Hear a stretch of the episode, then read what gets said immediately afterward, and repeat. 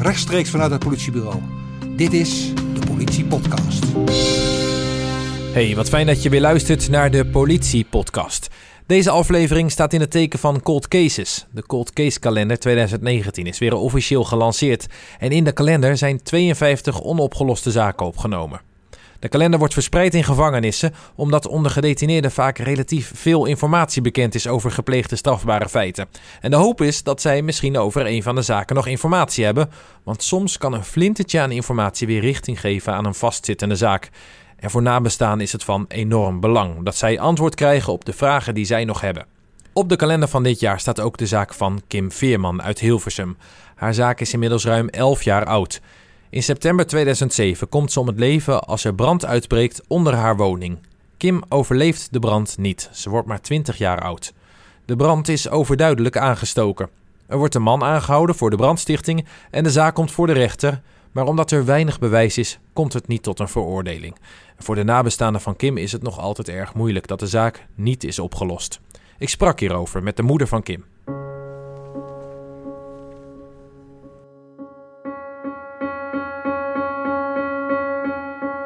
Uh, we kijken nu naar de levensloop van Kim. Uh, mijn partner Rino heeft een collage gemaakt van foto's. Vanaf, zoals je ziet, de baby. Opgroeiend naar uh, een prachtig meisje van 20 jaar. Op tafel ligt een schilderij, lijkt het wel. met allemaal foto's in een collage erop geplakt. De moeder van Kim Veerman, Rick, staat er naar te kijken. Wat doet dat met u om, om naar die foto's te kijken? Um, deze, dit is de enige foto waar ik uh, naar kan kijken. Voor de rest kan ik nog steeds niet naar foto's kijken. Alle vriendinnen en vrienden hebben ook filmpjes. Maar die kan ik helemaal niet zien. Dat is uh, te confronterend.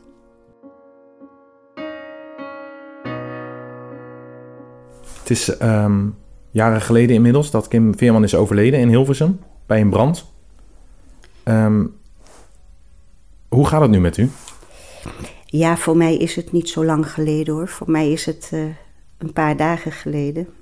Dat blijft.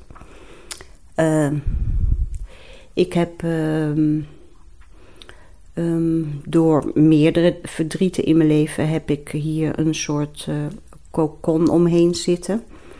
En daarom kan ik ook de foto's niet zien en de filmpjes. En zodra de pijn komt, dan uh, sluit ik hem af. Zo heftig is het. Nog steeds, ja. U kunt wel over haar praten. Um, want Kim Veerman, um, ze ziet eruit als ik die foto's zo bekijk...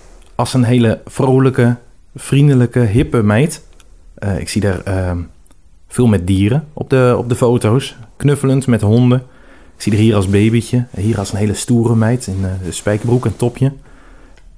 Wat voor meisje was ze? Ja, dat zeggen misschien alle ouders wel van hun kinderen, maar andere mensen zeggen dat ook. Het was haar, op haar graf staat vredestuifje en dat, uh, dat was ze. Ze was heel sociaal, heel erg geliefd bij de jeugd, uh, eigenlijk bij iedereen.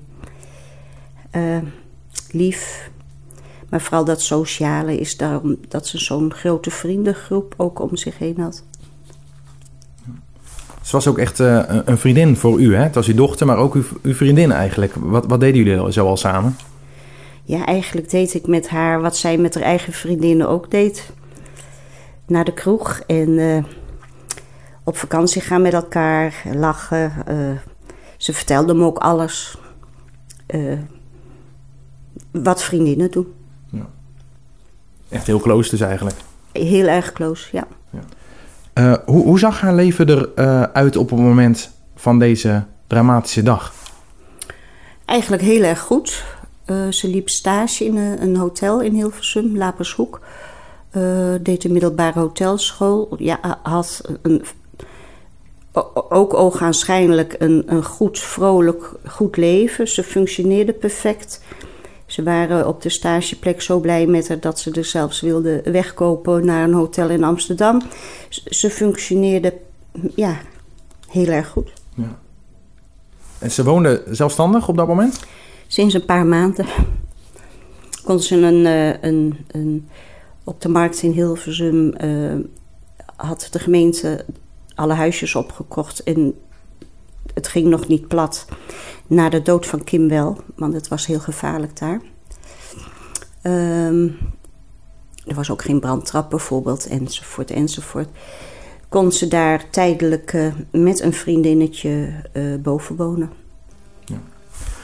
Wanneer hoorde u voor het eerst van er is iets aan de hand, er is iets, er is iets grondig mis? S'morgens om een uur of half acht werd ik gebeld door de, laten we zeggen, ex-eigenaar van het pand. Die had beneden nog zijn enorme postzegelverzameling. En die werd gebeld dat er brand was en die heeft mij gebeld. En wist u toen ook al uh, hoe, uh, wat de gevolgen waren van die brand? Nou, ik ben uh, met mijn partner uh, als een idioot naar Hilversum gereden, want er was brand. En ik heb alleen maar onderweg geroepen, ze is dood. En ik weet niet waarom, maar toen kwamen we aan op de markt. Maar toen was de markt al vol met mensen, politieauto's en brandweerauto's. En toen was de brand al volledig in de nok. Toen wilde ik naar binnen, maar toen moest de politie me tegenhouden. Want ik was natuurlijk helemaal in uh, paniek en shock. En toen zeiden ze, Kim uh, is in het ziekenhuis, wordt gereanimeerd. Maar achteraf was dat natuurlijk niet zo. Ze was natuurlijk al uh, overleden.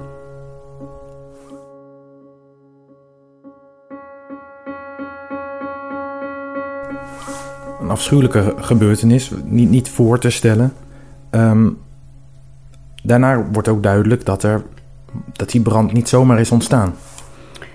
Ja, dat, dat hoorde ik ergens, uh, laat me zeggen, in mijn achterhoofd op duizenden kilometers verder weg natuurlijk.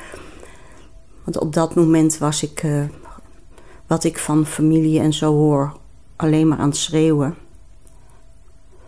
En toen hoorde ik dat ze vertelde aan mijn partner dat het in de brand gestoken was. Maar dat is niet echt tot me doorgedrongen. Het ging toen vooral natuurlijk om het verlies van uw dochter.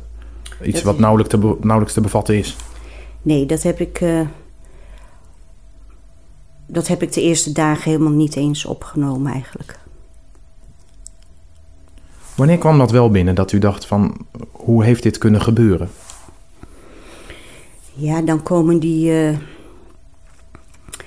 die verschrikkelijke kranten, de, de media, hè, die dan zo hun sensatieverhalen gaan vertellen, waarvan uh, bijna niets waar was. Toen begon het tot me door te dringen wat er aan de hand was. Ja. Dat heeft heel veel met u gedaan, hè? De, de verhalen die zijn gepubliceerd toen. Dat, uh, dat heeft mij de, de, eerste boosheid gegeven, ja. ja. Wat, wa wat waren dat voor dingen die u um, zo pijnlijk vond? Um, Kim uh, is uh, gevonden onder de bed. Dat kon niet, want uh, mijn partner Rino die heeft dat bed voor haar gemaakt. En dat was een kist, daar kon je niet onder. Ze heeft zich nat gehouden met handdoeken. Daar kan niet, er was geen water boven.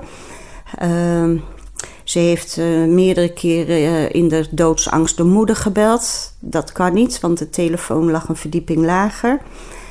Uh, ze hebben de brandweer overal de schuld van gegeven. Wat wij heel erg vonden, want daar wilden wij mee praten. Wat gelukkig achteraf wel gelukt is. Uh, ineens over een scheiding beginnen. een kind van gescheiden ouders. Terwijl, we al, terwijl ik dus al, al 13 jaar gescheiden was.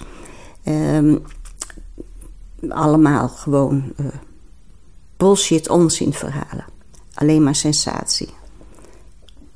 Er vielen veel mooiere dingen te schrijven dan deze nare sensatieverhalen. U had liever gehad dat ze gewoon iets over wie Kim was hadden geschreven, bijvoorbeeld? Ja, dat doet de krant niet. Maar Tenminste, ik heb dat niet ervaren. Ze hadden het ook positief kunnen belichten en, en geen dingen schrijven die gewoon helemaal niet waar zijn. U zegt, uh, toen de uh, verhalen in de krant kwamen, uh, besefte ik ook van iemand heeft dit gedaan. die vraag is nooit definitief beantwoord. Die vraag ligt nog altijd, nu jaren later, nog open. Hoe belangrijk is die vraag voor u? Ehm, toen de, eventueel moet ik nu zeggen, maar voor mij was het toen het woord dader. Toen de dader in beeld kwam, ehm, en ben ik er altijd van uitgegaan dat hij dat niet gedaan heeft om Kim dood te maken. Want deze persoon is wel inderdaad in beeld geweest in het onderzoek. Is ook voor de rechter geweest, maar uiteindelijk niet veroordeeld. Dus de zaak ligt nog open. Het cold case team is op dit moment uh, nog altijd bezig met het onderzoek hiernaar. Hoopte ook dat, uh, misschien dankzij dit verhaal ook, maar dankzij de aandacht die daarvoor is. Hè, de zaak staat ook op de cold case kalender uh, die, die uitkomt. Um, hoopte eigenlijk dat er nieuwe informatie komt. Dat iemand misschien meer weet. Iemand toch um, uitsluitsel kan geven.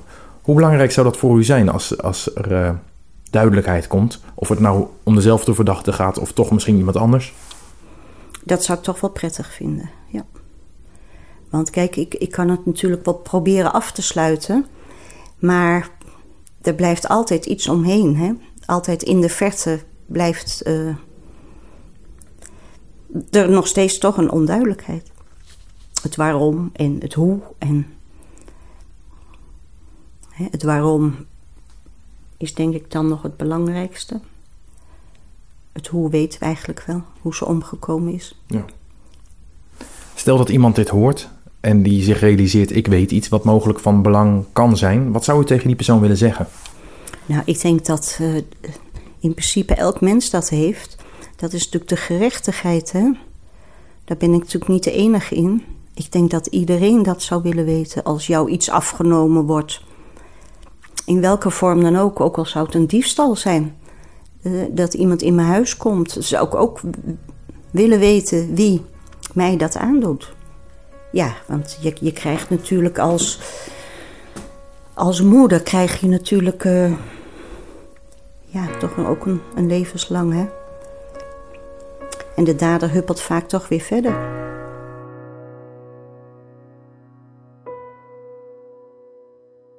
Rick, de moeder van Kim Veerman, was dat over de dood van haar dochter, nu 11 jaar geleden. Weet u meer over deze zaak? Laat het ons dan weten. Dat kan door de politie te bellen op 0900 8844 of via het meldformulier op politie.nl. Ook anoniem melden kan via Meld Misdaad Anoniem. Het nummer is 0800 7000 of via de website. Dat was het voor nu wat betreft de politiepodcast. Bedankt voor het luisteren en graag tot de volgende keer. Dag.